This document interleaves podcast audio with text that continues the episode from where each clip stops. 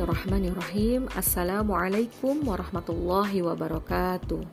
Sahabat muslimah katulistiwa yang dirahmati Allah Berikut adalah artikel singkat dalam rubrik fokus muslimahnews.com Yang berjudul Tantangan bagi dakwah ideologis Dengan presume Neng Erlita NSTP Tantangan adalah suatu sunatullah dalam dakwah dari para nabi sampai para ulama dihadapkan pada tantangan yang menguji keteguhan langkah mereka di jalan dakwah. Rasulullah Shallallahu Alaihi Wasallam teladan kita dalam dakwah harus berhadapan dengan tantangan berat dari kaumnya yang jahiliyah.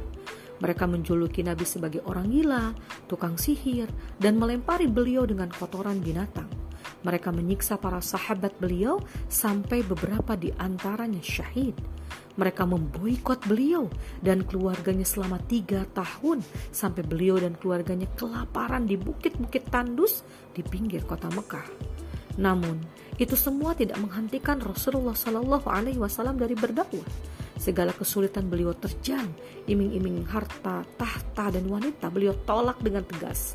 Beliau bersabda, Andai mereka dapat meletakkan matahari di tangan kananku dan bulan di tangan kiriku agar aku menghentikan dakwah ini, maka aku tak akan pernah meninggalkan dakwah ini hingga Allah memenangkannya atau aku binasa di jalannya.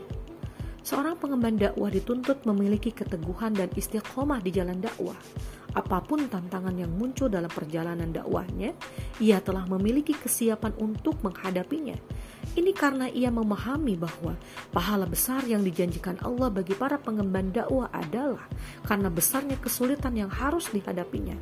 Lantas, apa sajakah tantangan-tantangan itu? Di antaranya adalah tantangan individu.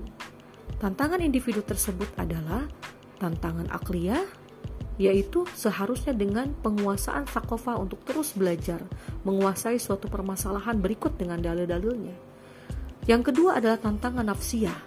Maka, menjaga keimanan dan keterikatannya kepada hukum-hukum Allah adalah yang harus diperjuangkan.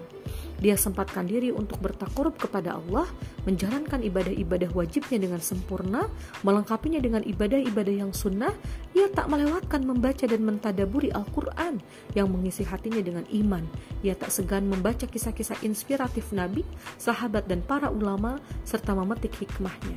Yang ketiga adalah tantangan keluarga, maka penyusunan prioritas antara berbagai kewajiban yang saling berbenturan harus dilakukan. Yang terpenting bagi seorang pengemban dakwah adalah memberikan pemahaman yang benar tentang aktivitas dakwahnya kepada pihak-pihak yang diharapkan dapat menjadi pendukung dakwahnya.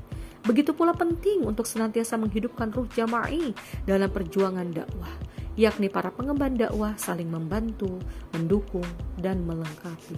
Wallahu a'lam. Wassalamualaikum warahmatullahi wabarakatuh.